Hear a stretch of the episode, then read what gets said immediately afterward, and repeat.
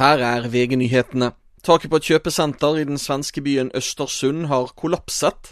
Skadeomfanget foreløpig ikke kjent, men eh, flere er ifølge SVT fraktet til sykehus. Det er vanligvis mange nordmenn på svenskehandel fra nærliggende Trøndelag på akkurat dette kjøpesenteret. Minst 15 barn har de siste dagene sultet i hjel på et av sykehusene i Gaza, og tilstanden til seks andre er kritisk. Det opplyser palestinske helsemyndigheter ifølge Reuters. Verdens helseorganisasjon bekrefter at de vet om ti barn som har dødd av underernæring, men de tror tallene er høyere.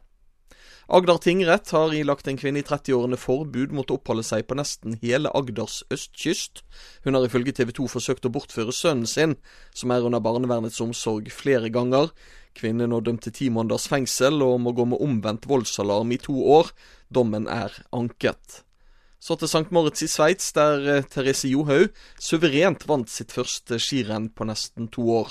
Justyna Kowalczyk kom i mål på andreplass i rennet, mange minutter bak Johaug, som nå skal satse mot ski-VM i Trondheim neste år.